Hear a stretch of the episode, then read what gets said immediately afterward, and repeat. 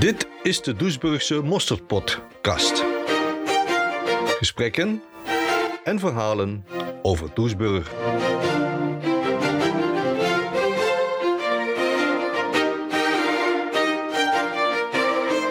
Uh, ik zit hier aan de keukentafel uh, met Sten Ruitings. En Sten Ruitings is een van de stadsgidsen. Een van de stadsgidsen van het VVV in Doesburg. Nou ja, ik begin altijd op, de, uh, op het trappetje van de VVV. Daar ga ik staan en dan heet ik ze welkom. Ja. En dan, dan zeg ik altijd van, nou ja, u staat op het goede plekje, want die grote toren, dat is eigenlijk het middelpunt van Doesburg. Daar is het ooit begonnen. En een douche, dat schijnt te zijn een, ja, een, een, kleine nederzetting, omgeven door een houten omheining. En dat moet Doesburg geweest zijn. Zo sumier. Zo sumier is het ooit begonnen, volgens de aanhalen. Maar dat is dus geen vestingstad geweest in het begin? Nee, nee, nee, nee. Het is gewoon een kleine vesting geweest, omgeven door riet, moeras. En eigenlijk gevoed door twee rivieren, de IJssel en de Oude IJssel. En de IJssel en de Oude IJssel maakten eigenlijk dat we drie gebieden hadden. Noordelijk van de IJssel, van de Gelderse IJssel, daar ligt de Veluwe. In de hoekpunt tussen de, in het zuidelijk-westelijk gedeelte tussen de IJssel en de Oude IJssel, daar ligt de Limes. Ja. En in het oostelijk gedeelte tussen de IJssel en de Oude, en de Oude IJssel ligt de Achterhoek. Dat zijn de drie... drie... Dat zijn de drie gebieden die, hier, die eigenlijk hier samenkomen. En wat, uh, uh, wat werd er dan getransporteerd op die Nou ja, water? vroeger was het zo dat vanuit het zuiden, vanuit de IJssel, mm -hmm. wat in verbinding stond met de Rijn, de Waal, kwam eigenlijk alles uit, zeg maar, België, Frankrijk. Wijn, uit België kwamen de lakens, uh, zout kwam er ook. Vandaar dat we hier een saltpoort hebben. Een salt wil zeggen zout. Ja. Uit het noorden kwam eigenlijk, maar dat is in de tijd van de Hanzen geweest. Hanze, dat is eigenlijk verbond uh, uh, van steden. Dat ging vanuit Denemarken, Duitsland, dus uh, Hamburg, Lübeck. Dat zijn allemaal Hanze-steden. Dat ging dan over naar Groningen en dan over de Zuiderzee ging het naar Harderwijk. Harderwijk is ook een Hanze-stad. Via het Zwarte Water ging het naar Kampen. En dan ging het van Kampen, Zwolle, Hattem, Deventer, Zutphen, Doesburg. En dat zijn de Hanze-steden. Die zijn elkaar verbonden via de IJssel. En vandaar kwam dus al het, de handel van het noorden. Ja, okay. En de IJssel, dat is eigenlijk een, een, een, de oude IJssel, is een rivier die ons, ontsprong. Ja, eigenlijk een kilometer of 40 richting Bocholt.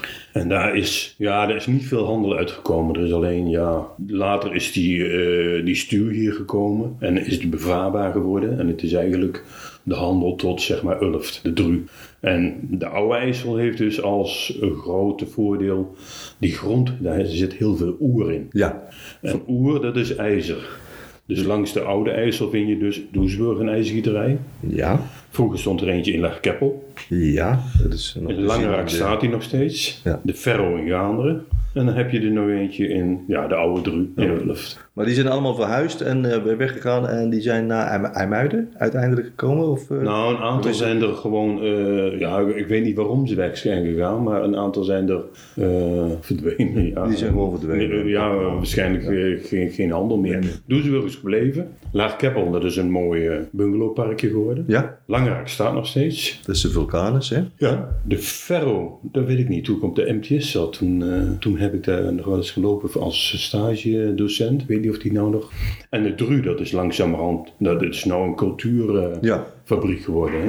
Ja, ja. En uh, daar, heb je, daar heeft de Etna gezeten en uh, al dat soort dingen die oversmaakten. Ja. ja. Nou ja, en als ik dan vanaf dat verhaal, dan loop ik via de Gasthuisstraat naar de Waag. En de Waag is eigenlijk, nou dat vind ik eigenlijk voor mezelf, het middelpunt van Doesburg waar ik kan vertellen van, hé hey jongens, als we hier gaan staan, dan kijken we naar het noorden. Dat is de eerste poort, de Koepoort. En het woord zegt het, de Koepoort. Daar brachten de stadsboeren de koeien naar de stadsweide. En Doesburg is, ja, is eigenlijk een, qua oppervlakte een vrij beperkte gemeente. Die heeft niet zoveel uh, oppervlaktes. Mhm. Dus ze hadden daar net bij de Verheulweg waar nou de roodrijn zit en zo, daar hadden ze weides. Dus ochtends brachten de boeren daar de koeien weg. En s'avonds haalden ze weer op. En dan brachten ze weer egel. Dus Doesburg heeft inwendig had hij een aardig, aardig aantal stadsboerderijen. En die zie je ook in Duisburg. Je ziet ook die stadspoorten, of die, die poorten nog. En boven die luikjes waar het stro zat. Onder andere bij de Kostenstraat heb je de Lamoen. Dat is ook een hele mooie is dat. En in de Nieuwstraat zit er ook een hele mooie. Dus er zitten nog een aantal die qua aanzien nog steeds het aanzien hebben van de stadsboerderij. Nou, dan zeg ik, kijk nou naar het zuidwesten. Dan ga je eigenlijk naar de Ooipoortstraat. En Ooipoort, het woord ooi wil zeggen weide. Je hebt in eh, Nijmegen ook de Ooipolder. En daar loopt ja, de koeien en de schapen. Halverwege die weg kun je linksaf en dan ga je naar de Meipoortstraat. Ja. En de Meipoortstraat komt, eh, het woord Meipoort komt eigenlijk van Hameide af. En dat wil eigenlijk zeggen een slagboom naar de Achterhoek. Dat is de, de passage naar de Achterhoek. Ja. Eigenlijk is Doesburg ook de, de poort naar de Achterhoek. Dat het, dat is, ik denk dat het een gevecht is met de Achterhoek zelf. Hoe Ja, dat- daarom. Wij horen er net wel niet. Wel, En dat is natuurlijk. eh, kijk, die IJssel en de oude IJssel. De oude IJssel heeft vroeger oostelijker gelopen. De oude IJssel is gekana- gekanaliseerd. En die loopt nou eigenlijk westelijk van het oude Doesburg. ja. Nou, wat ik al zei. Als je dat kijkt, ligt Doesburg, het oude Doesburg, ligt nou in de Achterhoek. Ja, oh, ja, ja, ja. Ja. Als, je, als, je de, als je het kanaal, de Oude IJssel, het kanaal, Als je dat nou bekijkt. als je dat nou bekijkt en je zegt Goed. Ja. Wij, ik woon dus nou in de Limes. Mhm. Vroeger liep de oude IJssel en de, die aftakking die loopt nog ergens bij die woonboten iets verderop. Ging die daar, takte die af naar het oosten en die kwam die eigenlijk eh, eh, oostelijk van Doesburg. Ehm, ja, er zit nog een klein stukje stadsmuur bij de Ireneschool. Dat is de Armgaardschool, of de Armschout, nee, de, ja, wij noemden de Prinses Ireneschool. Dat is eigenlijk eh, de lagere school in het plantsoen. Ja. Als je dus vanaf de zeg maar, paardenmarkt door het steegje loopt en je loopt naar het plantsoen toe, daar beneden liep vroeger de Oude IJssel. Dus daar, dat watertje wat daar nog achter die dijk ligt, is eigenlijk eh, eh, de Oude IJssel nog. Ja, daar zou Maar dat is wel heel smal eigenlijk. eh, Ja, maar ik weet niet, dat, dat, is een gracht, dat is een gracht. De, de, de oude IJssel die, die schijnt net langs die muur gelopen te hebben. Nou, en in dat geval lag Oud-Doesburg dus in de Limes. Ja, dat klopt. Dus ik kan me voorstellen dat de Achterhoekers zeggen van... jullie horen er eigenlijk wel, wij niet bij. Dus eh, in, de, in de literatuur zie je ook altijd als we het hebben over de Achterhoek... komt Doesburg er eigenlijk bekaaid of soms in voor, soms niet in voor. Het is een, het is een aparte staat. Het is de poort van, Does, van de Achterhoek, laten we het zo stellen. Ja. Nou, mooier kun je niet maken natuurlijk. Nee, daarom, dus, dat is wel eh, heel erg, ja, ja. heel erg mooi. Ja. Nou, en dan maak ik voor mezelf altijd een, een, een, tocht langs het gemeentehuis, de Waag. Ik vertel wat over de Waag. Dat daarvoor de, de jaarmarkten werden gehouden. En die jaarmarkten, dat, dat was eigenlijk een, een, een, een, ja, een privilege die hebben we gekregen van de graaf Otto van Zutphen. Want wij vielen toen de tijd onder Zutphen. Daar hebben we ook stadsrechten van gekregen in 1237. En die heeft gezegd, nou, jullie mogen, mogen daar jaarmarkten organiseren. Nou, alle boeren en burgers die wat te, koop hadden, die, werden, die verkochten daar waar. En het verhaal gaat dus dan, dan werd het, het gewogen in de waag. De waag, de weeg, dat ding dat Ja. hangt er nog. En dan werd het betaald in ducaten, maar wat er zo op een gegeven moment du- ducaten op, dan werd het betaald in bier. Daar, vandaar ook het bierhuis. En daarom, vandaar ook eh, dat eh, eh, men zegt dat het het, oudste eh café Ja, of, of, ja café, Grand Café of wat dan ook. waard of noem je dat. Maar ja, ik vertel ook altijd wel, ja, als je ergens anders een stadswandeling doet, dan hebben zij ook wel weer een café wat het oudste is. Dus Maar het is, vanuit, het is vanaf welk jaartal? 1400? 14, 1500, het staat erop. Ik, ik weet het ook niet precies, maar vanaf, vanaf die datum moet je zo'n beetje kijken. Maar het mooie is, ik heb dan eh, foto's eh, gevonden, maar die gevel die er nou staat, die is nog niet zo oud. Die gevels die er vroeger waren, en eh, die kan ik je wel laten zien, maar dan heb je een beetje indruk. Maar die gevels die hebben er soms heel anders uitgezien. Kijk, dit is de gevel van het stadshuis en dit is de gevel van de Waag. Oh, maar dat ziet er heel erg huiselijk uit. Ja, Daar zie ik ook beneden een luifel met een beetje... Ja, wat is het? Een, eh, ik, ik zie daar... dit is het ook. Hotel Kijk aan. Dus de plek laten we het zomaar zeggen, de plek is heel bijzonder, want dat zou dus de, de plek kunnen zijn waar, eh, waar vroeger het, eh, of tenminste waarvan men denkt dat dat het eerste Nederlandse café eh, is. Dat zou kunnen, ja. ja maar de gevel op zich. Maar de gevel op zich, dat is net zoals de gevels van het gemeentehuis. Die zijn la- later helemaal gerenoveerd. Ook in de stijl van de Hanze. Het schijnt dat in Lübeck en zo, dat, dat daar de, de gevels ook diezelfde vorm hebben. Dus een soort trappeneffect wat erin Ja, zit. En, ja, ja. En dan vertel ik ze ook dan, als je dan tegen het gemeentehuis aan kijkt, dan is het linker gedeelte, dat was vroeger niet het gemeentehuis, maar dat was het, eh, het wijnhuis. En daar kwam eigenlijk het wijn, nou eh, wijn dat komt dus uit het zuiden, via de Saltpoort of via de Veerpoort, via de boten kwam daar het wijn naar binnen. Daar kwamen ook de lakens naar binnen, van België uit. Daarboven was ook het lakenhuis. Dus daar werden lakens opgeschaald en verhandeld. Het wijnhuis, eh, ja, dat- was de opslag. En daaronder had je ook een wijnkelder. Dus je had het bierhuis en je had het wijnhuis. Dus dat is het mooie van, van het geheel. En dan kom je uiteindelijk achter het ge- gemeentehuis en dan heb je dus de vismarkt. Dus dat hele kleine pleintje bij het gemeentehuis achter waar, dat, ehm, eh, waar die grote boom staat en het, mo- eh, het monumentje. Ja. En waar de rode toren aan eh zit. Klopt. Dat, Dat- heette vroeger de vismarkt. En de vis, die kwam in feite uit richting Harderwijk, Spakenburg. Dus er, werd, er waren geen vissers hier die eh, op de IJssel visten. Misschien ook wel plaatselijke vissers, maar de- het grootste gedeelte kwam uit. En dat kun je ook zien, want als je in Harderwijk, of in Harderwijk, in Dieren zit, dan begint al meteen de Harderwijkerweg. Dat is waar. En die gaat helemaal door over de Veluwe heen, via Elburg, via Elsbeet en komt zo in Harderwijk uit. En die gingen dus met karren, kwamen ze hier, en dan met hier de vismarkt. En dan staat er ook een maquette. En die maquette, die kan, kun je, daar kun je heel goed zien de contouren van Doesburg. En dan kun je ook, aanwijzen waar de poorten precies zitten. Maar het mooie is, dan vraag ik ook vaak van, hé, hey, eh, waar staan we allemaal? En dan kunnen ze altijd precies aanwijzen waar de vismarkt staat. En dat is een heel mooi stukje, want de vismarkt, waarschijnlijk elke doet dat. Maar het dakje van de vismarkt, dat is een, dat een klein, want eh daar heeft ooit een, een, een, een soort een kraam gestaan of wat dan ook. Daar heeft dit ding gestaan. Dat was de vismarkt. Ja. Dat is daar ook op die maquette is dat zo afgebeeld. En waarschijnlijk heeft elke gids daar overheen gewreven. Maar dat, dat dakje is niet zwart, maar koperachtig. En alle andere dakjes zijn zwart. Dat is wel heel erg leuk, ja. En het is, het is, een, eh, het is eh, wat, je, eh, eh, wat, je, wat je wel vaker ziet, bijvoorbeeld in, eh, in, in grote steden. Dat zijn dan eh, kleine overkappingen waar een, eh, een, een, een, hele kleine markt, een paar, een paar, Ja. paar kraampjes Ja, hebben gestaan. Dus we richten een aantal van die plekken. Hè? Dus als je het, het stuk voor de Waag, daar werd de jaarmarkt gehouden. Op de paardenmarkt had je de paardenmarkt. Ja. Dan had je bij de grote kerk, dan had je de veemarkt, maar later had je ook de automarkt en de groentemarkt. Eh, dan had je bij de Roggestraat, Veerport, aan het einde van de Roggestraat had je de Veerportstraat. Daar werd de rogge verhandeld. Je had een aantal van die open stukken, daar werden allemaal markten gehouden. Nou, en dan had je hier dus de vismarkt. En dan zei ik later, stond dit ding daar. En even kijken, dat is een klokkenstoel, Heel goed. zie ik zo. Dat is een klokkenstoel. En dat is voor het alarm? Nee, Waarvoor is dat dan? Dat zijn de klokken geweest. Eh Duisburg is 15 april 1945. Is die, zijn de Duitsers, die hebben de Grote Kerk, Martinekerk, de Watertoren en de Windmolen, hebben ze opgeblazen. Oh, netjes. En 16 april zijn we bevrijd. Dus een dag van tevoren zijn we opgeblazen. Of we, de kerk is opgeblazen. In de toren zaten dus van die grote klokken, die zijn beneden gekomen. En de twee grootste hebben hier gehangen. En die hebben daar heel lang gehangen. Dus vanaf, zeg maar, dat ze eruit zijn gekomen, hebben ze de ding opgebouwd. En ik ben in, ja, zeg maar, 58 ben ik op de Veerpotstraat op de Rooms-Katholieke Jongensschool gezeten. En ik kan me geheugen, zolang ik op de jongensschool heb gezeten, dus 58 en 6 bij 64, nou, midden 60, eind, ze- eh, eind 60, heeft dat ding zo gedaan gestaan.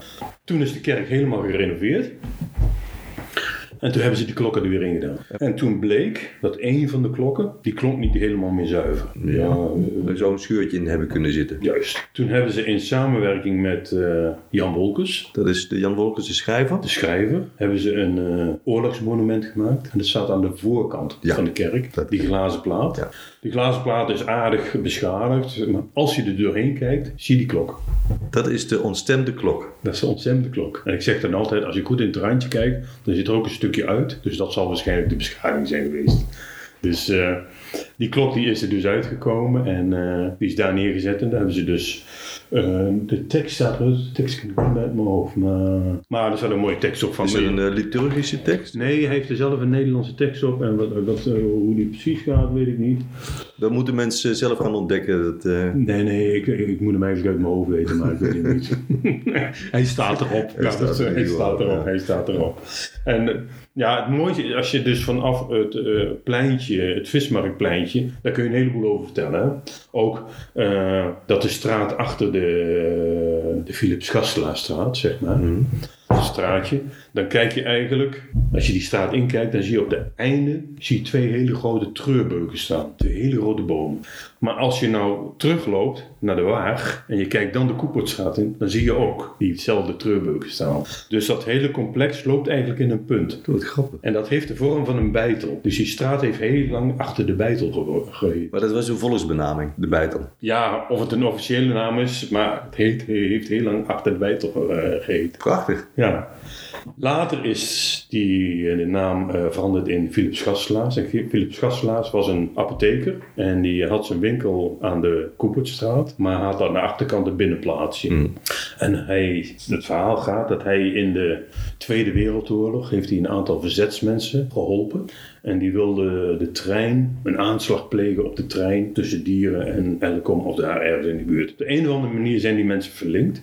En eh, daar is toen wat gebeurd. En toen is er eentje ontdekt op het pleintje bij, achterpleintje bij hem. En hij is er ook aan gelinkt. En hij schijnt daar gefuseerd te zijn. Vandaar dat die straat nou vernoemd is naar hem. Ondanks dat hij er in principe niks mee te maken had. Ja, hij heeft ze onderdak verleend en eh, dat soort dingen. Dus eh, vandaar dat hij nou de Philips Gastelaarstraat heet. Netjes. Ja, daar tegenover staat een heel klein huisje. Eigenlijk is het een heel groot huis en daarnaast staat eigenlijk een klein huisje. En als je dat huisje ingaat, dan staat er een waterput in. En op Monumentendag kun je dat erin. Mhm. En die waterput, dat water gaat mee met de hoogte van de IJssel in Doesburg. Dus vanuit de stad Doesburg kun je zien. Hoe hoog het water hoog.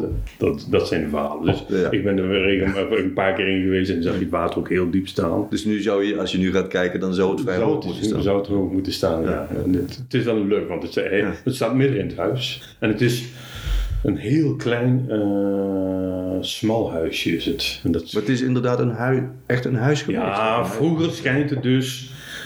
Het huis wat ernaast zit is heel groot.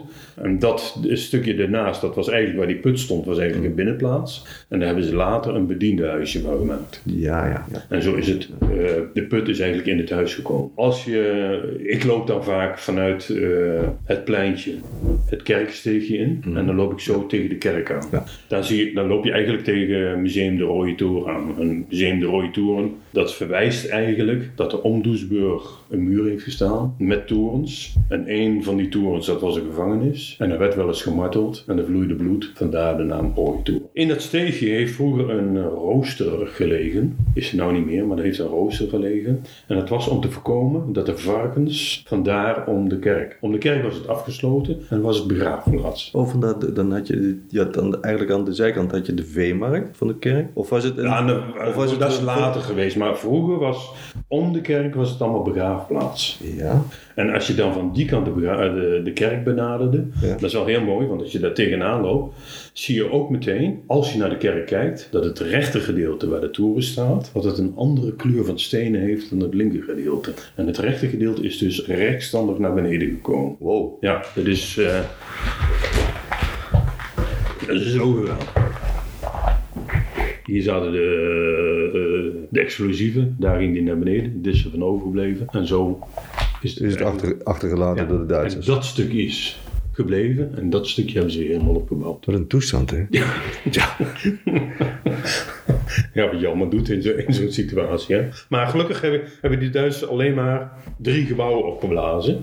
Kijk, zoals Doetinchem, dat is helemaal plat gebombardeerd. Dus die heeft eigenlijk geen mooie binnenstad. Nee, dat klopt. Dus dat is helemaal... Alle- Allemaal wat er omheen ligt, die kloosters en, en, en eh, eh, en die oude boerderijen, die zijn nog wel bewaard Ja, gebleven. ja. Maar de binnenstad is inderdaad een beetje... helemaal, dus daar is qua, qua lopen als gids is het iets minder dan hier vind ik. Ik vind hier altijd leuk, leuk en gezellig lopen. En, eh, Ja, dat klopt. Ja. De, de, de, de, de, de waarde om wat te vertellen is ook hoog. Ja. kijk, en als ik dat, dat steegje in, ik loop tegen tegen de kerk, En dan sta ik daar met die mensen, en al, vooral met dit weer ook. Dan waait, dat is een beetje eh, een, een, ja niet creepy, maar het een beetje een smalle eh, doorgang. En het is altijd een beetje koud. Het waait altijd Ja. daar. Dan zeg ik, nou, dit is de koude kant van de kerk. En hier werden de arme mensen begraven. Een mooi gezegd. En aan de andere kant is de warme kant. En daar werden de rijke mensen begraven. De rijke stinkers. Nou ja, en, en als je dan zo staat tegen die kerk, dan kun je meteen naar rechts kijken. En dan zie je het kleine poortje, kleine deurtje. En dat is de enige toegang tot de toren. Kleine rode poortje. En dan moet je dus via een trapje van ongeveer een meter breed steen meer dan 200 trappen naar boven. Dus als je een beetje claustrofobisch bent, dan moet je het niet doen. Maar halverwege is plateau. is er een plateautje kan uitrusten en dan kun je langzaam naar boven. Maar dan heb je ook het mooiste uitzicht. Dan kijk je naar Montferland, dan kijk je naar zeg maar Arnhem toe, je kijkt naar Zutphen toe en je kijkt de Veluwe op. Je hebt echt een mooi uitzicht. Eh, hoe lang staat die toren? Die staat er vanaf? Zoals hij nou staat. Ja, dat is, dat is van na de oorlog. Ja. En van voor de oorlog? Nou, de kerk is eigenlijk eh tweeledig. Hè? De, de, de, vroeger heeft er een kleinere eh, kerk gestaan, een Romaanse kerk. Eh, van welke eeuw dat is, weet ik niet. Maar de, de klein... En de contouren van die Romaanse kerk zitten nog in de, in zeg maar, in de tegels van de grote kerk. Dus als je kerk binnenkomt en je gaat naar links, kun je precies zien hoe de kleine kerk Oké. zit erin. De grote kerk is een laat-gotische kerk. Ja, en wanneer die precies gebouwd is, weet ik niet. Maar eh, het is een gotische kerk en Die is dat eh 17, 1800? zou best kunnen. Zou best kunnen. Ja, want je ziet wel eens dat eh, in, in, in, bij steden, Mhm. dat ze zo'n toren gebruiken als een Belfort. Dat ze een uitkijktoren hebben Ja, om te ja. kijken wie eraan komt. Ja. Is het Ja, ik weet niet of dat hier de functie is geweest. Want je kunt natuurlijk, voordat je naar boven ging... Ja. Nee, dat is mij niet bekend. Laat het zo staan. Maar de toren die zoals die nu is, is die dus van na de oorlog. Ja. En eigenlijk in eh, volle historie weer herbouwd. Ja. Tenminste, van de laatste tekeningen die En eigenlijk, eigenlijk wat je ziet is eigenlijk... Tenminste, ik, ik heb heel lang in Doetinchem op school gezeten. Als je op Simonsplein kijkt en die... Ja? zijn eigenlijk twee replica's, lijkt wel. Lijkt wel, hè? Maar deze is groter. En we zijn er altijd prat op geweest in Düsseldorf van, oh, hij is bijna de hoogste. Maar ja, er kwam weer een ander bij. De Domme en, eh, en Groningen kwam erbij. Dus Maar goed, hij is eh, na twee, twee na de grootste van Nederland. dat is hij, is, eh, eh, noemenswaardig. hij, hij staat nou geloof ik op eh, plaats nummer 7 of 8, weet ik veel. Dat, eh, Heeft de Trump er een toren ergens neergezet. dat zou kunnen, ja. Nee, maar de- het heeft altijd wat. En dan loop ik eromheen en dan kom ik aan de, ja, zeg maar aan de kant van de Veerpoetstraat. En dan kun je dan, eh, daar zit een klein steegje naar de Veerpoetstraat. En dat pand wat daar links is, wat nou de Nederlandse hervormde kerk is, of wat dan ook, het is een kerk. Ja. Dat was vroeger eh, de Joodse synagoge. En dat is eigenlijk een van de gebouwen die met het instorten van de kerk ook geraakt is. Dus die, die synagoge die is ook vernieuwd. Eh, het is later wel weer herbouwd, maar het is niet meer als synagoge eh, in functie geweest. Aan de zijkant zit nog wel een plaquette, een bronzen plaquette, en ter herinnering aan de synagoge die er is geweest. Als je de Koetsveldstraat ingaat, dus je loopt door dat straatje heen en je gaat meteen rechtsaf. Die straat die daarop staat is de Koetsveldstraat. Ja. Dat was eigenlijk de concentratie van de Joodse gemeenschap. En daar hebben we een, ja, die, gro- die gemeenschap was niet zo heel groot. In de middeleeuwen een man of 20, 25, dat is het geweest. Maar eh, je kunt het wel zien, want in de Roggestraat, ik dacht bij de Silversmith op de grond, daar zitten nog een aantal stolpersteinen. Stolpersteinen, dat zijn eigenlijk, een- dat is een Berlijnse kunstenaar Ja. geweest. En die heeft gezegd van, ja, wat wij hebben gedaan in de Tweede Wereldoorlog kan niet. En ter herinnering wil ik eigenlijk, en hij is begonnen in Duitsland, alle mensen die zijn weggevoerd uit huizen. Voor die huizen wilden die die stenen neerleggen met de namen van de mensen, wanneer ze zijn gedeporteerd en vermoord. En dat zijn de mensen die daar gewoond hebben in Ja. dat huis. ja, Zodat je... en in Düsseldorf zijn dat een stuk of zeven, acht plekken. En die stolpensteinen worden elk jaar worden ze weer opgepoetst met stolpen. Dat wil eigenlijk struikelen zeggen. Ja. Als je gaat staan moet je ook buigen naar voren. En dan moet je gaan kijken wat er gebeurt. Er is geloof ik één vrouw in de Philips Gastelaarstraat. Haar vader is geloof ik ook weggevoerd. En die heeft gezegd dat wil ik niet. Maar die heeft een aandenken in het, ja, aan het huis zelf. En die heeft gezegd ik wil niet nog een keer dat er over mijn vader of moeder gelopen wordt. Ja, ja. Met die ja, gedachte ja, ja, met die gedachte. Ja. Nou, van daaruit ga ik altijd, dan heb ik de grote kerk een beetje voor ogen. Dan, dan loop ik er nog wel even naar de warme kant. Mhm. En als ik de warme kant heb, dan zeg ik altijd van ja, je horen. Het was vroeger een katholieke kerk. Vroeger, de- daarvoor was het een protestante kerk. En de katholieke ke- ke- eh, mensen gingen altijd naar de kerk of richting kerk. En richting kerk zeggen we zeggen, nou, er moet ook een café zijn. Ja, En het café dat staat eigenlijk aan de zijkant. Dat is café het Zwijnshoofd. dat kennen we nog van vroeger, ja. En het Ja. Zwijnshoofdje staat er nog. Dat zit er nog aan vastgeplakt. Dat is op de hoek, hè? Dat is als je aan die kant staat. Nee, dat, dat, dat pand wat ernaast staat, dat is het Elvis Café. Ja, Dat maar was je- het duo. Ja, maar een, En een daarna, stukje dieper. Ja, een stukje dieper daar. Daar heeft vroeger ook, daarnaast heeft er ook een klein steegje gelopen. En daar rechts van, daar waar nou die lindenbomen staan, Ja? daar heeft vroeger de oude Latijnse school gestaan. De Latijnse school, dat we hadden er twee in Duisburg, maar dat was de Latijnse school voor de rijkere kinderen. Dat kleine steegje had wel een, eh, een belangrijke functie, want dat was één, ja dat noemden ze de kerkengang. Je had het arsenaal, Maria op de Graven. Daar zaten Franciscanen nonnen in. Eh, die eh, het bisdom Utrecht had gezegd, nou 13, 14e eeuw, jullie mochten daar zijn. Maar die Franciscanen nonnen, die moesten naar de kerk. En die kerk, dat was de grote kerk. Maar die moesten via de kortste weg, moesten ze daar naartoe. Dus vandaar die gang. Die gang. En, eh, en ik vind het altijd leuk om met de mensen die gang na te gaan. Want je kunt hem niet helemaal lopen. Maar als je daar het gangetje ingaat, dat je gaat linksaf. Halverwege zit er een klein Een huis met een boogje. Als je dat gangetje ingaat, die loopt dood. Maar daarachter staat het eh, huis eh, Ark Noe. Dat is een oud huis. Dat kun je ook zien vanaf de Kloosterstraat. Die staat een beetje... Als je het arsenaal uitkomt, iets links, ligt die ietsjes verdiept. Ja, en dat, en dat is een passage geweest. En daaromheen ging die, eh, het gangetje. En zo kwamen ze dus bij het arsenaal. Dus dat, en dat is heel leuk om met die mensen te lopen. Want als je dat gangetje inloopt, kom je eigenlijk tegen de achterkant van die huizen. Daar zit een heel mooi eh, ja, binnenhofje. Ja, en dat- dat vinden ze mensen, oh wat mooi zo in dit. Ja, allemaal van die, allemaal van die verborgen hoekjes hier in Ja, Doesburg. ja, ja zo- daarom. Dus, eh, ja, en voordat ik dat nog doe, ga ik nog even naar het eh, monument van Jan Wolkers. Ja. En als ik bij Jan Wolkers sta, dan moet ik altijd het verhaal vertellen. Is van Jan Wolkers en, en zo de. Maar dan moet ik ook altijd het verhaal vertellen van het handje van Hanepel. En wat is dat? Het handje van Hanepel. Dan ga je dus met het gezicht naar de kerk staan. Ja. En dan ga je op een gegeven moment met je ogen naar links. Dan zie je een luikje, een groen luikje met een ruitje erin. En als je van daaruit links naar boven gaat, dan zie je een steen staan met een handje erin. En het was vroeger, Hanepel was vroeger een leidekker. En die eh, kerk is verschillende keren geraakt door bliksem. Maar die man die kon op een gegeven moment bij een blikseminslag niet meer op tijd via de trappen naar beneden komen. Hij is via een touw naar beneden gegaan. En eh, ja, dat moet allemaal heel snel gebeurd zijn. En hij heeft daarbij zijn handen behoorlijk beschadigd. Hij is eh, naar huis gegaan. En ja, aan zijn vrouw laten zien, maar ja, verder geen aandacht aan besteed. En zijn vrouw was zwanger en die kreeg dus een kind. En wat bleek, dat kind dat had eelt in de handen. Ja, kind Heel bijzonder. Pas ja, heel bijzonder. En, maar wat bleek nou? Generaties later, generaties later, generaties later. En er woont nou nog een, op het gasthuis, of je woont nog een mevrouw Ria Hanepel. Die had hier een snoepwinkeltje enzovoort. Oude VV. En die zegt ook, dat verhaal moet je vertellen. Want ik heb ook nog steeds eelt in de hand. Dat is een familiekwaal geworden, Ja, zou ik maar het is zeggen. wetenschappelijk onderzocht, maar het blijkt dus zo te zijn. Dat is dus het verhaal van...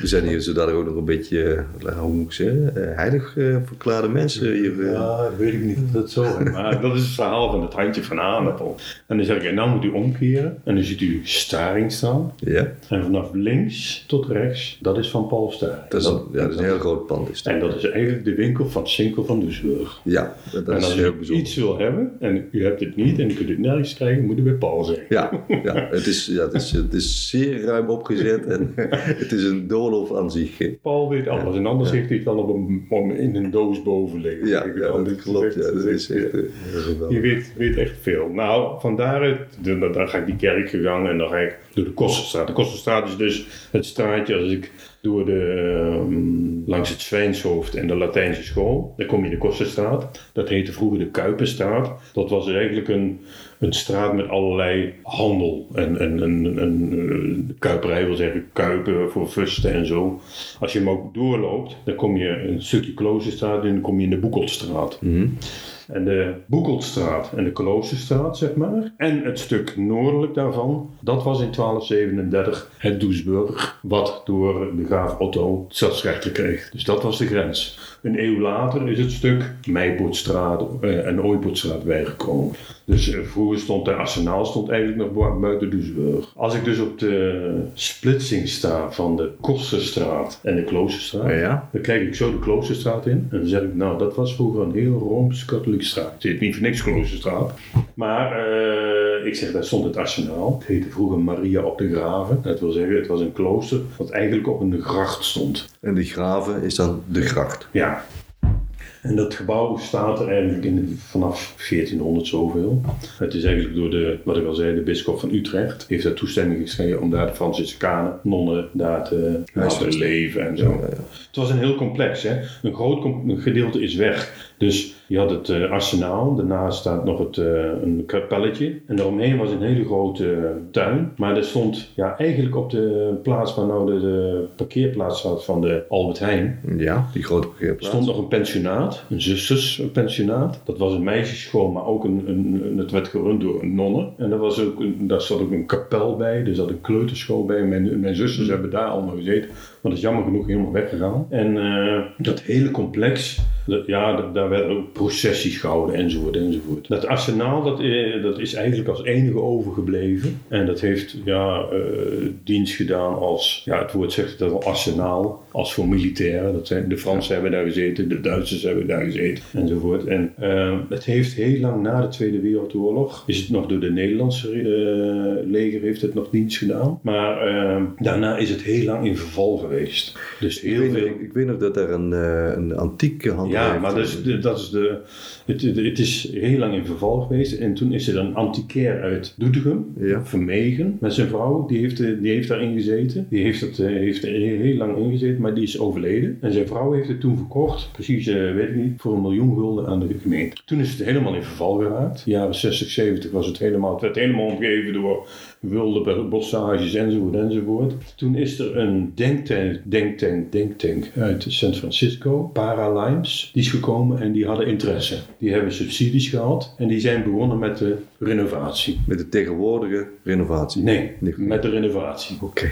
Die zijn begonnen, een heleboel gerenoveerd en uiteindelijk ging het niet door. Dat ging niet door vanwege dat ze er geen interesse meer in hadden? Of waren Ik denk, het, subsidie- ik denk het eerste, of dat ze ergens anders wilden, of dat ze subsidie, maar het is, uiteindelijk is het niet doorgegaan. Wat wilden ze eigenlijk met het gebouw? Ze wilden daar een denktank van maken, dus eh, wetenschappelijk eh, en dan iedereen vanuit de wereld dat ze het van daar, daaruit. Maar dat is uiteindelijk niet doorgegaan. En toen is het op een gegeven moment weer in verval geraakt. Toen zijn er een aantal ja, mensen uit Duisburg, ondernemers, die hebben daar handen bij elkaar gestoken en die zeggen van nou, wij gaan het doen. Nou, die zijn uiteindelijk, en die hebben dit dus gerealiseerd. Eerst met twee of drie partners, daarna is er eentje weggegaan. Uiteindelijk is er één eigenaar en die, vuur, die vuurt het nou helemaal. En uiteindelijk is het een prachtig gebouw geworden. Ja. En nou kun je ook mooi zien, want die tuinen, daar hebben ze dus, dat zijn ook begraafplaatsen geweest. Daar hebben ze ook eh, nog skeletten gevonden van nonnen en zo. Dus waar de kipjes nou lopen, daar eh, zijn nog de... Ja, ja.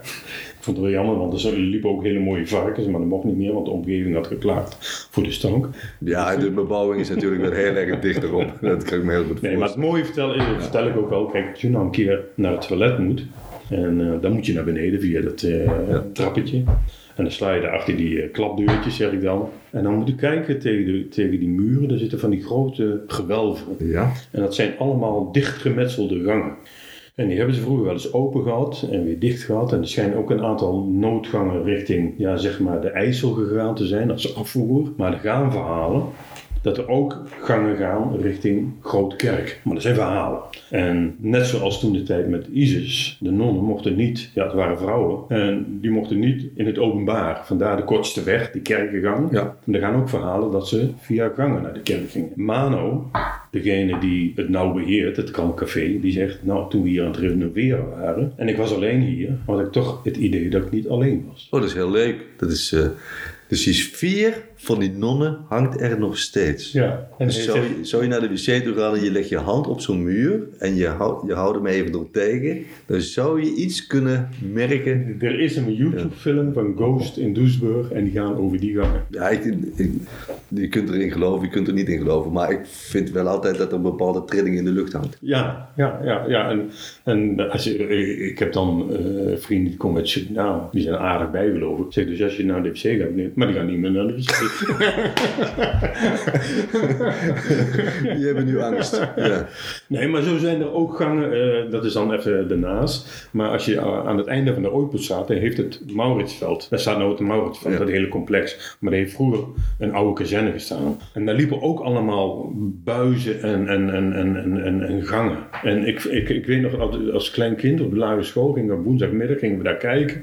En dan konden we ook, en dan konden we gewoon halverwege de Roosevelt zingen, onderdoor.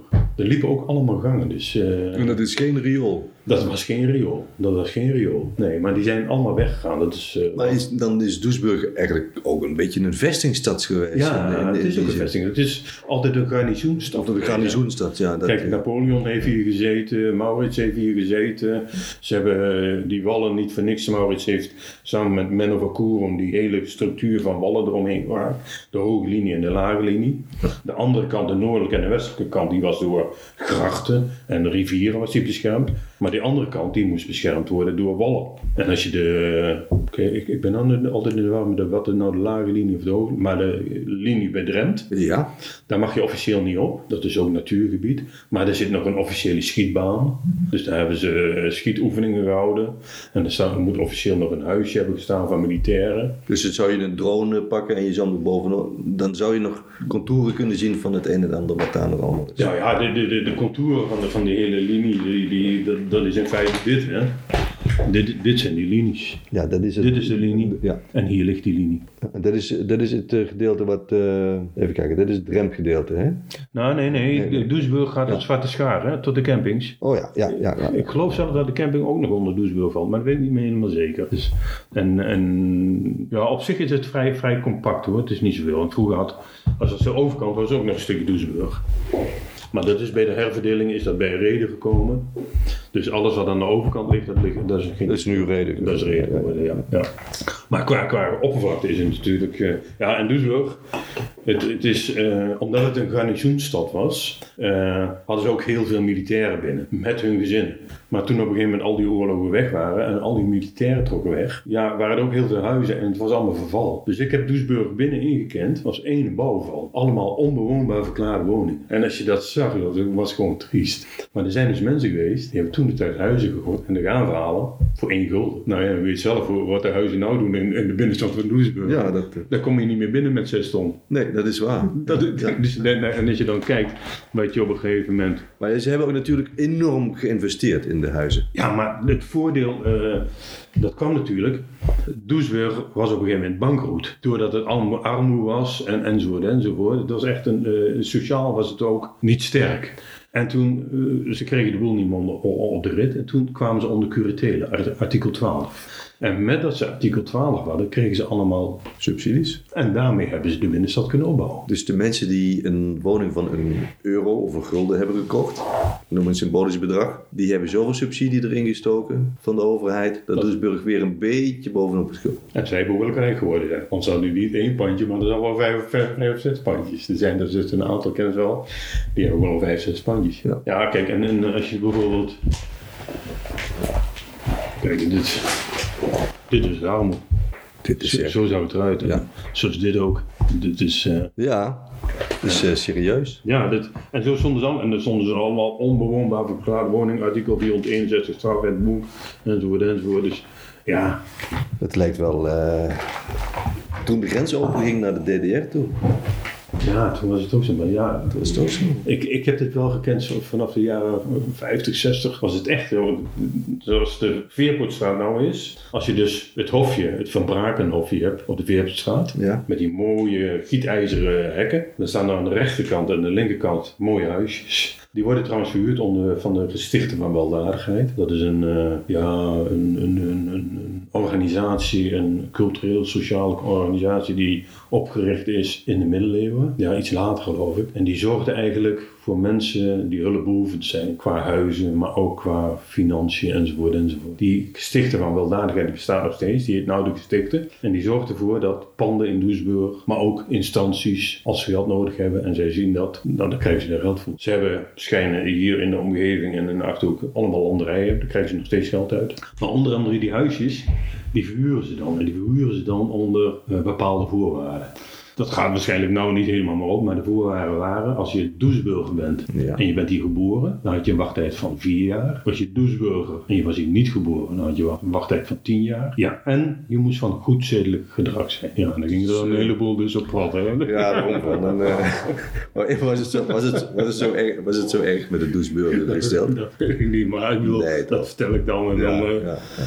De laatste rij die je daar ziet, Hmm. dat is gemaakt. Als je aan de achterkant kijkt, dan zie je ook, oh, dat is nieuwbouw. Maar de voorkant is mooi gepleisterd in de vorm van die. En de laatste, dat, dat is dan mijn herinnering, dat is dan dit geweest. Dat is dit verhaal geweest. Kijk, hier heb je de Veerbootstraat. Ja. Hier staan die hekjes. Mhm. Hier staan die twee grote bomen. Dit zijn die huisjes die er nog staan. Die zijn nou wit, deze ook. En hier staan die andere huisjes. Maar dit stond er. En dat was de Rooms-Katholieke Jongensschool. Waarom heeft Doesburg zich eh, voorgenomen om alle eh, scholen hier weg te halen? Tenminste, de middelbare of de. de Ja, uiteindelijk eh, de precieze. Kijk, je had hier in de omgeving heb je dus behoorlijk wat middelbare scholen. Doetinchem had er een stuk of drie, vier. Ja. Reden, Zutphen. En, dan- en op een gegeven moment, Doesburg had dus een katholieke ULO, de openbare en de christelijke ULO. Ze hadden een LTS en ze hadden een huisartsschool. Ja, uiteindelijk eh, waren er zo weinig kinderen dat op een gegeven moment eh, het geen bestaansrecht meer had. En Doesburg, naar mijn inziens, omdat het qua oppervlakte vrij klein was, Mhm. en omdat het armoedig was, wilde geen enkele gemeente met Doesburg. En Doesburg had ook wel zijn eigen trots. Maar geen enkele eh, gemeente eromheen wilde met een armoedige gemeente Ja, samenwerken. het kost geld. Ja, maar Doesburg kon ook niet uitbreiden. Ja, de uitbreiding hadden we gehad. Dit stuk dan, de Bijnem en de Ooi. Maar dat was het ook wel. En verder konden we niet. Dus ze moesten op een gegeven moment, inwendig, moesten ze huizen maken. Dus ze moesten plaats maken. Dus vandaar waarschijnlijk dat verschillende scholen ook weg zijn gegaan. En daar zijn huizen gekomen. Dus zo is dat gegaan. Dat kunnen we stellen. Dat kunnen we stellen, denk ik. Ja, ja. En dat zie je ook op verschillende plekken, zoals de Armgadstraat. Eh, daar stond de ULO, de christelijke ULO. Dat is ook allemaal woonplaats geworden. Op de Oranje stond de openbare ULO. Was dat de openbare ULO op de Oranje Ja, dat is later moskee geworden. Eh, de katholieke ULO, die zat op de Toermansingel, tegenover de wasserij. Dat is nou een gedeelte geworden van eh, het Elisabeth Gasthuis. Dat is, eh, dus het is wel allemaal eh, ingevuld, laten we het zo stellen. En hier zijn allemaal. Dit, dit is wel allemaal plein nog ge- gebleven hoor. Dus deze bomen staan er nog. En hier staat, hier, de laatste, daar staat ook nog een hek. Dit is, uiteindelijk is dit niet echt gebouwd. Oké. Alleen dan hier zo'n rijtje wat Ja. hierbij staat. Ja, ja en. Je kunt dan ook heel veel vertellen over de, de transportmiddelen. Hè. Kijk, als je op een gegeven moment hebt over Doesburg qua eh, handelswegen. Die hadden ze wegen vanuit, wat ik al vertelde, vanuit Harderwijk richting de Vispark.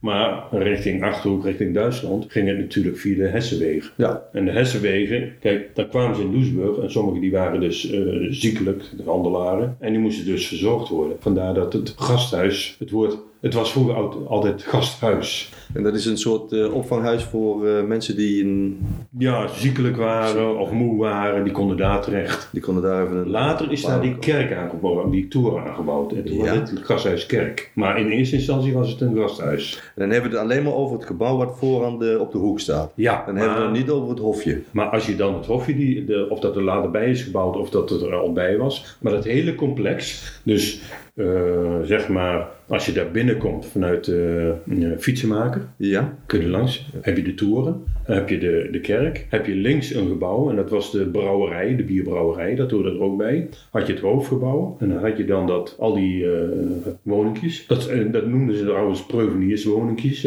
Preuven, dat wil zeggen dat je een maaltijd krijgt van de organisatie daar. Daar woonden vroeger ja, hulpbehoevende mensen in, maar later ook welgestelde mensen in, maar wel allemaal Doesburgers. Ehm, dat grasperkje, dat was dus de begraafplaats. Wat er binnenin zit, zit er een grasperk. Ja. En dat was vroeger de begraafplaats van de kerk. Daar hebben ze, een paar jaar geleden hebben ze daar nog een moeder en een kind gevonden. En die hebben ze nou in het eh, museum De Rode Toren, ligt die opgebaard, of opgebaard, als skelet ligt het daar. Op dit moment hebben ze aan de achterkant een hele mooie glazen pui aangemaakt. Ja, andere Doesburgers zetten we vinden het hartstikke lelijk. Nee, het, het, het, het- het- het- het heeft een heel open karakter. Ja, En dat is, dat is wel heel fijn.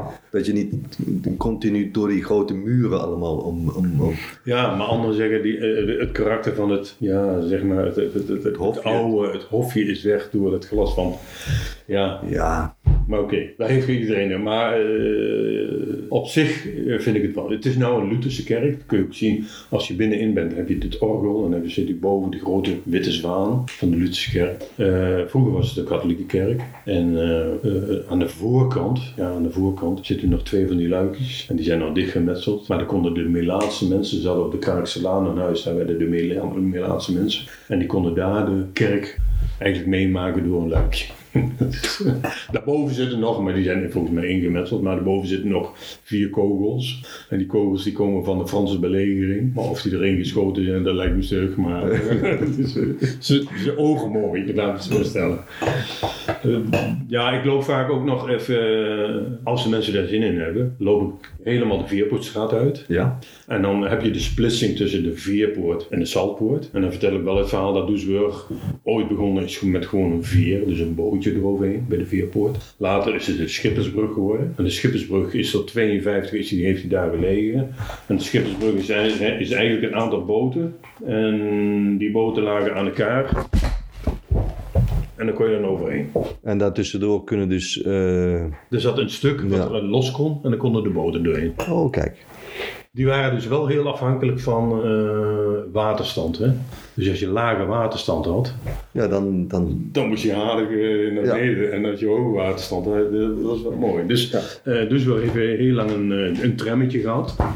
Bij de renovatie verleden jaar of dat jaar daarvoor van de Gasthuisstraat. Langs de Waag, de Gasthuisstraat in, staan twee strepen. ja. En dat doet Dat heb ik eigenlijk eh, denken aan het trammetje wat er ooit gelopen is. Ja, zo, ja en ook waar, waar Kelderman zijn viswinkel Ja, waar gehad, eh. Bergstraat en dan ging het zo de Achterhoek in. Ja, ja. En die kwam dus van dieren af. Dus van dieren ging het Over dat, over dat dingetje heen. over dat pontje of Over over, dat bruggetje heen. Maar ja, eh, je had natuurlijk bepaalde dagen dat het water heel laag stond. Ja, dat, dat en kan konden ze er niet overheen. Dus, dus dat was wel het mooie. En dan, als ik ze dan meeneem richting het einde van de Veerpotstraat, dan kom je eigenlijk ja, bij het nieuwe gedeelte van Doesburg, zeg maar aan de kade. En, en ja, omdat het dus Doesburg aan de IJssel lag, eh, had je heel veel handel. Graanhandel, zandhandel, grindhandel. En daar lagen allemaal hele grote loodsen. Eén loods staat er nog, lok 17. Maar er stonden hele grote pakhuizen stonden daar. En ja, daar heb ik vroeger heel veel gespeeld. Maar even kijken of ik er nog mooi plaatje van heb. want- En bij, die, bij lo- blok 17, eh, eh, er is nu een, een camperplek Ja, eh en gesitueerd de- en, en, de- en een stuk haven is eh, gesitueerd. Klopt, ja. En, eh, maar dat was vroeger allemaal industrie, hè? dat waren eh, dit soort dingen. Overkappingen. Hele grote overkappingen daar en eh, dat stuk. Ik weet niet of er nog meer staat. Nee, meer staat. Enorme overkappingen Ja. zijn dat, ja. Het waren grote, hele grote eh, loodsen. En die zijn later allemaal, dat is wel zonde, want eh, ze wilden het eerst wel gebruiken. Maar omdat dat graan, dat schijnt helemaal in de muren getrokken te zijn. Dus het, ja, om, om hem nog te gebruiken als hotel of wat dan ook. Dat, we- dat, Dat, dat- daar heeft dus ook een trammetje gelopen voor aanvoer en afvoer. Ja. En ja, dat was eigenlijk ons speelterrein. Hè? Dat was niet zo groot, dus daar, daar speelden altijd vroeger. Maar dan begrijp ik dat Doesburg nog niet zo lang geleden een, een brug over de IJssel heeft. 52. 52. 52. En die is deels bekocht, bekostigd door eh, Alexander Verheul. Hij heet ook de Alexander Verheulbrug. Ja. En eh, Alexander van Verheul, dat was eigenlijk een eh, komisch tekenaar. En die is geboren in de Gasthuisstraat. Zijn geboortehuis staat er nog. En eh, de man die maakte hele mooie tekeningen. Die schijnt ergens in een eh, het Britse museum schijnen nog tekeningen van hem te zijn. Maar hij kreeg in Nederland niet de erkenning. En hij is een beetje, eh, ja, cynisch is hij, is hij gestorven. Een beetje. Maar wel in Doesburg of is hij... In Arnhem is hij overleden. En eh, uiteindelijk heeft hij geld achtergelaten, iets van 77.000 gulden. Met de voorwaarde dat dat gebruikt moest worden voor een vaste verbinding van Doesburg. Dus naar de toen overkant. pas in 52 is Doesburg ontsloten vanaf de Veluwe met een... Ja, Met en dat is natuurlijk een dingetje geweest. Want voor velen was dat, voor de Achterhoek, Was dat hartstikke mooi. Want alles kon eromheen, om Doesburg heen. De Achterhoek werd in feite ontsloten. Ja. Maar ja, voor de Doesburgers, alle handel ging er nou omheen en niet meer doorheen. Dus eh, het had iets tweeledigs. Ja, Maar de, de, de taluten, zeg maar van de Schippersbrug, die liggen er nog. Als je dus langs de, de Koepertstraat uitgaat en je gaat ietsjes naar links, heb je die rij met hele mooie herenhuizen om de vijver heen. Mhm. Aan het einde zit nog een oud gebouw, dat was een café. En daar ging het naar beneden. Aan de overkant, bij die huizen die er staan, daar ging het weer naar boven. dus eh, heeft hij ongeveer een eh, metertje of eh 50 tot 100 eh, vanaf de... Ja, vanaf de, waar die nou ligt. Ja. En dat was in 52, zie je. Ja, ik zal het wel... eh, nee, ik heb het niet meegemaakt. Toen ben ik in 52 geboren, dus eh, nee. Ja, en zo maak ik het hele verhaal rond. Zo'n beetje, eh, ik vertel over die hofjes. Ik vertel over alle kleuren die er zijn. En als ik er doorheen loop, eh, bijvoorbeeld... dat is wel mooi als je door de Kloosterstraat loopt. En je loopt vanaf, zeg maar, ehm, de splitsing. Kosterstraat, Kloosterstraat. Je loopt de Kloosterstraat in. En je gaat dan linksaf door het straatje, de Kloostersteeg. En dan kom je op de parkeerplaats. Dan heb je aan de linkerkant laatste huis, dat is een huis met een grote poort. Dus niks bijzonders, gewoon een huis met een grote poort. Maar dat heeft voor mij nog wel aardig, dat vertel ik ze dan ook altijd. Ik zeg, ik was vroeger katholiek. En ik wie is er nog meer katholiek? Zo van, ah, sommigen durven het wel te zeggen, durven dan die ook niet te zeggen. Ik zeg, nou ja, ik was vroeger missionaar. En dan had je dus het klooster, het arsenaal, de katholieke kerk, de pastorie, het parochiehuis. En daarnaast had je nog een wijnhandel. En dat stond allemaal achter elkaar. Maar als je dus bij de katholieke kerk missionaar was, en daar stond op een gegeven moment in de Veerpoetstraat de katholieke jongensschool, en je kon een beetje goed meekomen, en er was een huwelijksdienst, of er was een begrafenisdienst, dan werd je uit de klas gehaald, en dan mocht je daar naartoe. Dus onder schooltijd mocht je daar naartoe, dus dat was altijd wel leuk. Nou, als je dus een begrafenis had, dan deed je daar de dienst. Nou, alles uh, toeters en bellen eraan. Dus eh, de hele middenstand van Doesburg was ont ontmand, hè, want ik was katholiek. Dus als je toen een eh, inval of een beroving had gedaan, dan kon, stond alleen die vrouw. Maar alle mannen stonden daar te zingen in een koor. Nou, als die dienst er klaar was, dan moest je naar de Krijgslaan, want dat was de katholieke kerk. Maar dan moest je wel zien te komen. Dus had je meestal, als je een beetje belangrijk iemand had, als je mis met vier eh, heren. Nou, vier missionaris. En dan moest je als een gek door de pastorie, door de tuinen van het arsenaal. Ja? Moest je naar dat huisje wat ik net zei, naar het poortje. Want daar had dus een pastoor, en die was van rijke afkomst. Die had een MG. een open MG. Dus wij met z'n allen in de MG schuren door de stad heen, daar naartoe. En daar weer met een strenge gezicht weer de rest afhandelen. nou, nou we zoveel, maar dan moesten we wel altijd over de meisjesschool, Ja. over het, eh, over het speelplaats meisjesschool. Dan was het meestal half elf. En ja, die jouwden ons allemaal uit. Maar ja, wij hadden daar lak aan. Maar wij mochten in de MG van de, van de pastoor. Maar waren jullie in volle naad dan? Ja. Eh, ja? Toog en superklie, weet je wel. En dan moesten we daar naartoe. Aan de andere kant van de school, van de, van de kerk, als je dus een bruiloft had, wisten wij gewoon. Dan, eh, op het einde liep de bruid en de bruidegom voorgegaan door de priester en de missionaris liepen de deur uit. En dan stonden wij met handje omhoog. Dan kregen we vaak van de, van de vader van de bruid of de bruidegom kregen we een paar centen. Die moesten, moesten officieel in de missionaarspot. Die ging er niet in. Maar dan liepen wij terug naar school en dan liepen wij richting de Breststraat. En op de hoek van de Breststraat stond een snoepwinkeltje. Nou, logisch hè? dus eh, en, eh, die verhalen vertel ik dan. Nou, dat vind ik altijd mooi, dat, dat, dat soort dingen. Dus eh, ja, vaak van die persoonlijke dingen, zoals bij de, bij de Veerbootstraat. Ik zeg, kent u dat nog van vroeger? Dat voor de, en bij ons hadden we dus dat hek, daar stond dus twee keer per jaar de tandartsbus. We kennen het nog van vroeger, ja. Ja, inderdaad. Ik zeg, kent u nog die grote boer met al die draadjes? Ja, zo ja, eraan? Ik zeg, die oude militaire ik heb al die verhalen, weet je wel. Mooi. Dus, eh, ja, en, en, en, zo dingen die spontaan opkomen van, weet je dat nog, weet je dat nog. Dat. Ja, je moet natuurlijk niet vertellen over... Ik, ik probeer altijd niet veel te vertellen over dingen die niet meer zijn. Nee, maar het heeft ook geen zin, eh, denk ik. Nee, Want, maar eh, daarom vis- heb ik die visueel aantrekkelijk ja, blijven. Nee, ik heb die map dan wel van dit heeft er gestaan. Ja. Maar je moet er ook niet te veel van vertellen van ja, die heeft weinig zin. Nee, inderdaad. Nee, daarom. Dus je- over de dingen die er staan. Want je hebt dan korfnisbogen en allerlei soorten gevels, trapgevels, klokgevels en alles enzovoort enzovoort. Jaartallen en zo. Maar als ik mijn verhaal vertel, nou, dan zijn ze meestal... eh, Zijn ze heel, heel tevreden ja, en heel... de- ja, want ik sta wel eens bij de Treurbeuken en dan kun je de Hoge Straat in. Hoge Straat is eigenlijk een kleine straatje vanaf de Koepertstraat. Dus eh, laat ik het zo zeggen. Als je vanaf de Waag de stad uitrijdt, Ja, de eerste straat rechtsaf. dat is, Ja, dat is een klein dat is straatje. een heel, oh ja, dat is een heel klein straatje. Dat is de Hoge Straat. Dat is de Hoge Straat. Ja, En daar heb ik een plaatje van en dan zeg ik, ja, nou, dit is de Hoge Straat. En dat is, moet ik even kijken, want ik heb ze niet allemaal.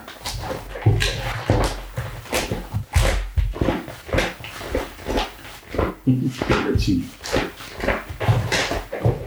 je het zien? Dat is, dat is Nee, dit is de Straat. Ja? Dit is de Hoge Straat. Hier heeft die architect gezeten, hè? geloof ik, of niet? Ehm, ja, hier. Ja. Dat huis is nou, dit huis is nou van eh, Hendrik de Keizer. Die, eh, dat is een landelijke organisatie, die koopt oude huizen op, renoveert ze en die kun je dan huren. Oh, zo werkt dat systeem. Ja, het zijn twee huizen in Doesburg die eh, op deze manier. Als je hier kijkt, zit een grote, en daarom werd Doesburg ook Smerenburg genoemd. Hier kwam al te goede riool in. Oh, Dus dit is waren gewoon open riolen. Dat wa- en het heeft nog heel, heel lang geduurd? Ja, ja. Voordat het, in 1933. En ik zeg hier ook altijd van, nou ja, als u hier staat, Mhm. moet u wel even in de gaten houden. We gaan wel naar het hoogste punt van de, En dat is hier.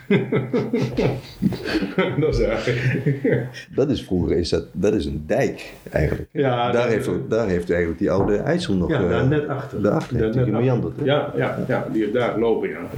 En dan... eh, en kijk, als je daar dan loopt, die Hoogstraat in, dan heb je aan de linkerkant heb je nog het oude klerkenhuis. Dus het oude, dat is nou een bed and breakfast. Mhm. Dat was vroeger het oude klerkhuis. Een oude klerkhuis was eigenlijk de Latijnse school voor de eh, arme mensen. En die eh, kregen daar eten, maar die kregen daar ook een opleiding. En die moesten dus allemaal boeken schrijven in het Latijns. Want daarachter, daar stond het fraterhuis. Het waren, er was een paterklooster. Dat is helemaal weg, maar daar heeft dus het fraterhuis gestaan. En voor die mensen schreven ze dus die boeken. Kopiisten. Ja, s- ja kopiisten. Ze schreven gewoon boeken hè, in het Latijns.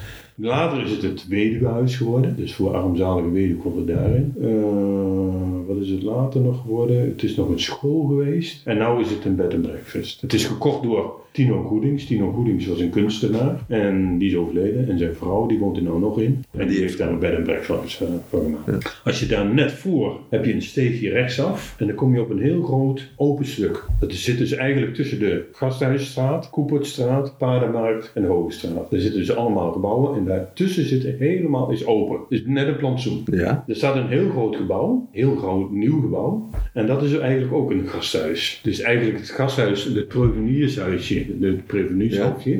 Er was heel veel vraag naar. Maar ze konden, eh, en toen heeft, hebben ze daar, de Gesticht van Weldadigheid, heeft daar een gro- groot gebouw neergezet. En daar kunnen mensen ook onder dezelfde voorwaarden kunnen daar wonen. Nog steeds. Nog steeds. Dat is een nieuw gebouw. Dat is dat eh, vier jaar, tien jaar. En, eh, Ja, ja, of dat nog steeds zo wel. ik, ik hoorde net van iemand die wilde er ook graag in. Nou, die, die wacht al 32 jaar. En ik hoorde van iemand anders, die wilde er ook heel graag in. Dan zegt ze, ik ben gewoon elke maandag ben ik er naartoe gegaan en ik had binnen een jaar een huis. Dus ja, het, het is... beetje, met een beetje druk eh, wil het lukken. Met een beetje druk kun je naar eind komen. Hè? Dus, eh, Ja. Nee, maar op dat stuk, eh, wat nou vrij is, daar heeft vroeger het Elisabeth Gasthuis gestaan. Dus je had het gasthuis Ja. en je had het Elisabeth Gasthuis. Maar als je in de Koepertstraat eh, loopt, dus vanaf de Waag de stad uit, Ja. heb je aan de rechterkant heb je drie hele grote witte huizen. Ja, met, dit, met dat kleine ijzeren hek werk je ervoor. juist. Dat zijn nou drie particuliere huizen geworden. Dat was vroeger de hoofdingang van het ziekenhuis. Doesburg had eh, tot in de midden jaren 60 had het ziekenhuis. En daarachter, daar werden ook operaties gedaan enzovoort achter. Daar stond ook het mortuarium. En ze hadden als eh, een van de eerste hier in de regio hadden ze een röntgenapparaat. En ze hebben heel lang de concurrentie kunnen voorhouden met Arnhem en uh. Ja. En later hebben ze zijn ingehaald en is het later weggegaan. Ja, omdat er geen plek was om een fatsoenlijk ziekenhuis neer te zetten natuurlijk. Dat werd ook gerund door nonnen. En eh, wij als Messina mochten ook wel eens daar bovenin, mochten dan een- in het kapel, mochten dan een dienst meemaken.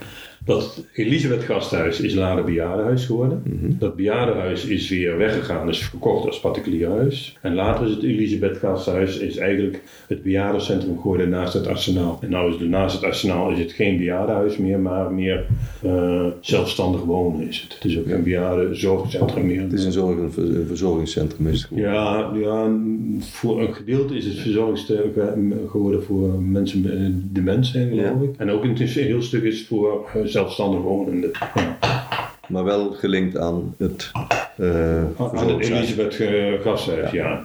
En, eh, dus je had het gasthuis Je hebt erin. en je had het Elisabeth Gasthuis. Dus het, het woord gasthuis slaat eigenlijk meer op een ziekenhuis. Ja. En omdat het gasthuis kerk heet, dat kwam omdat de toren aankwam. Daarom heet het eh gasthuis kerk. Is een hele mooie rondgang zo. Ja, en dan heb je het zuidelijke gedeelte nog niet gehad. Want je hebt natuurlijk ook nog de Mosseltroeven, de Bergstraat. Die kanten op. Maar ja, dan loop je bijna tegen drie uur aan te lopen. Dus Dat is heel veel. officieel zeggen ze vanuit VVV anderhalf uur is meer dan zat. Maar ja, als ik aan het praten ben, ik- ben ik vaak twee uur bezig. En dan- Ja, dan, dan is het, en, maar dan maak je het ook helemaal compleet. Hè? Ja, daarom. En ik, ik, ik proef ook wel aan de mensen of ze het leuk vinden of niet leuk vinden. En ja, eh, d- d- dan, dan heb ik schik. En dan, eh, ja, Ja. Dat, is, dat is de voornaamste reden eigenlijk. Hoor. Dat ik- Maar, zo, maar sowieso over dit hele kleine stukje Duisburg, wat, we nu hebben, eh, wat je nu hebt eh, besproken, is heel veel te doen. Ja. En dan heb je het alleen nog maar over de gebouwen en de mensen er. Je hebt nog niet eens het gehad over de mensen die er eigenlijk in woonden. Dus eh,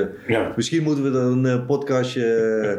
Mensen in Duisburg. ja, de mensen in Duisburg. Zullen we die maar eens een keer achteraan eh, zetten? Ja, de- ja, dan zou je de, de karakteristieke mensen uit Duisburg. Maar ja, dan spreek je over mijn, mijn tijd dan. Ja, dus de, de, na de jaren 55 Ja, en zo. na de jaren en, 55. en dan Dan heb je op sportief gebied, op cultureel gebied heb je een heleboel mensen. Ja, er zijn de mensen, dan, dan zou je eigenlijk René de Vrucht moeten hebben. Die, die weet heel van. Ja, dat is wel mooi.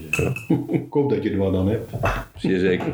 Stan, bedankt. Heel graag gedaan. Ja, Ja, tot de volgende keer zou ik zeggen. Want goed, eh, ja. ja, dit moet zeker, zeker een vervolgje hebben. ja ik vind het leuk.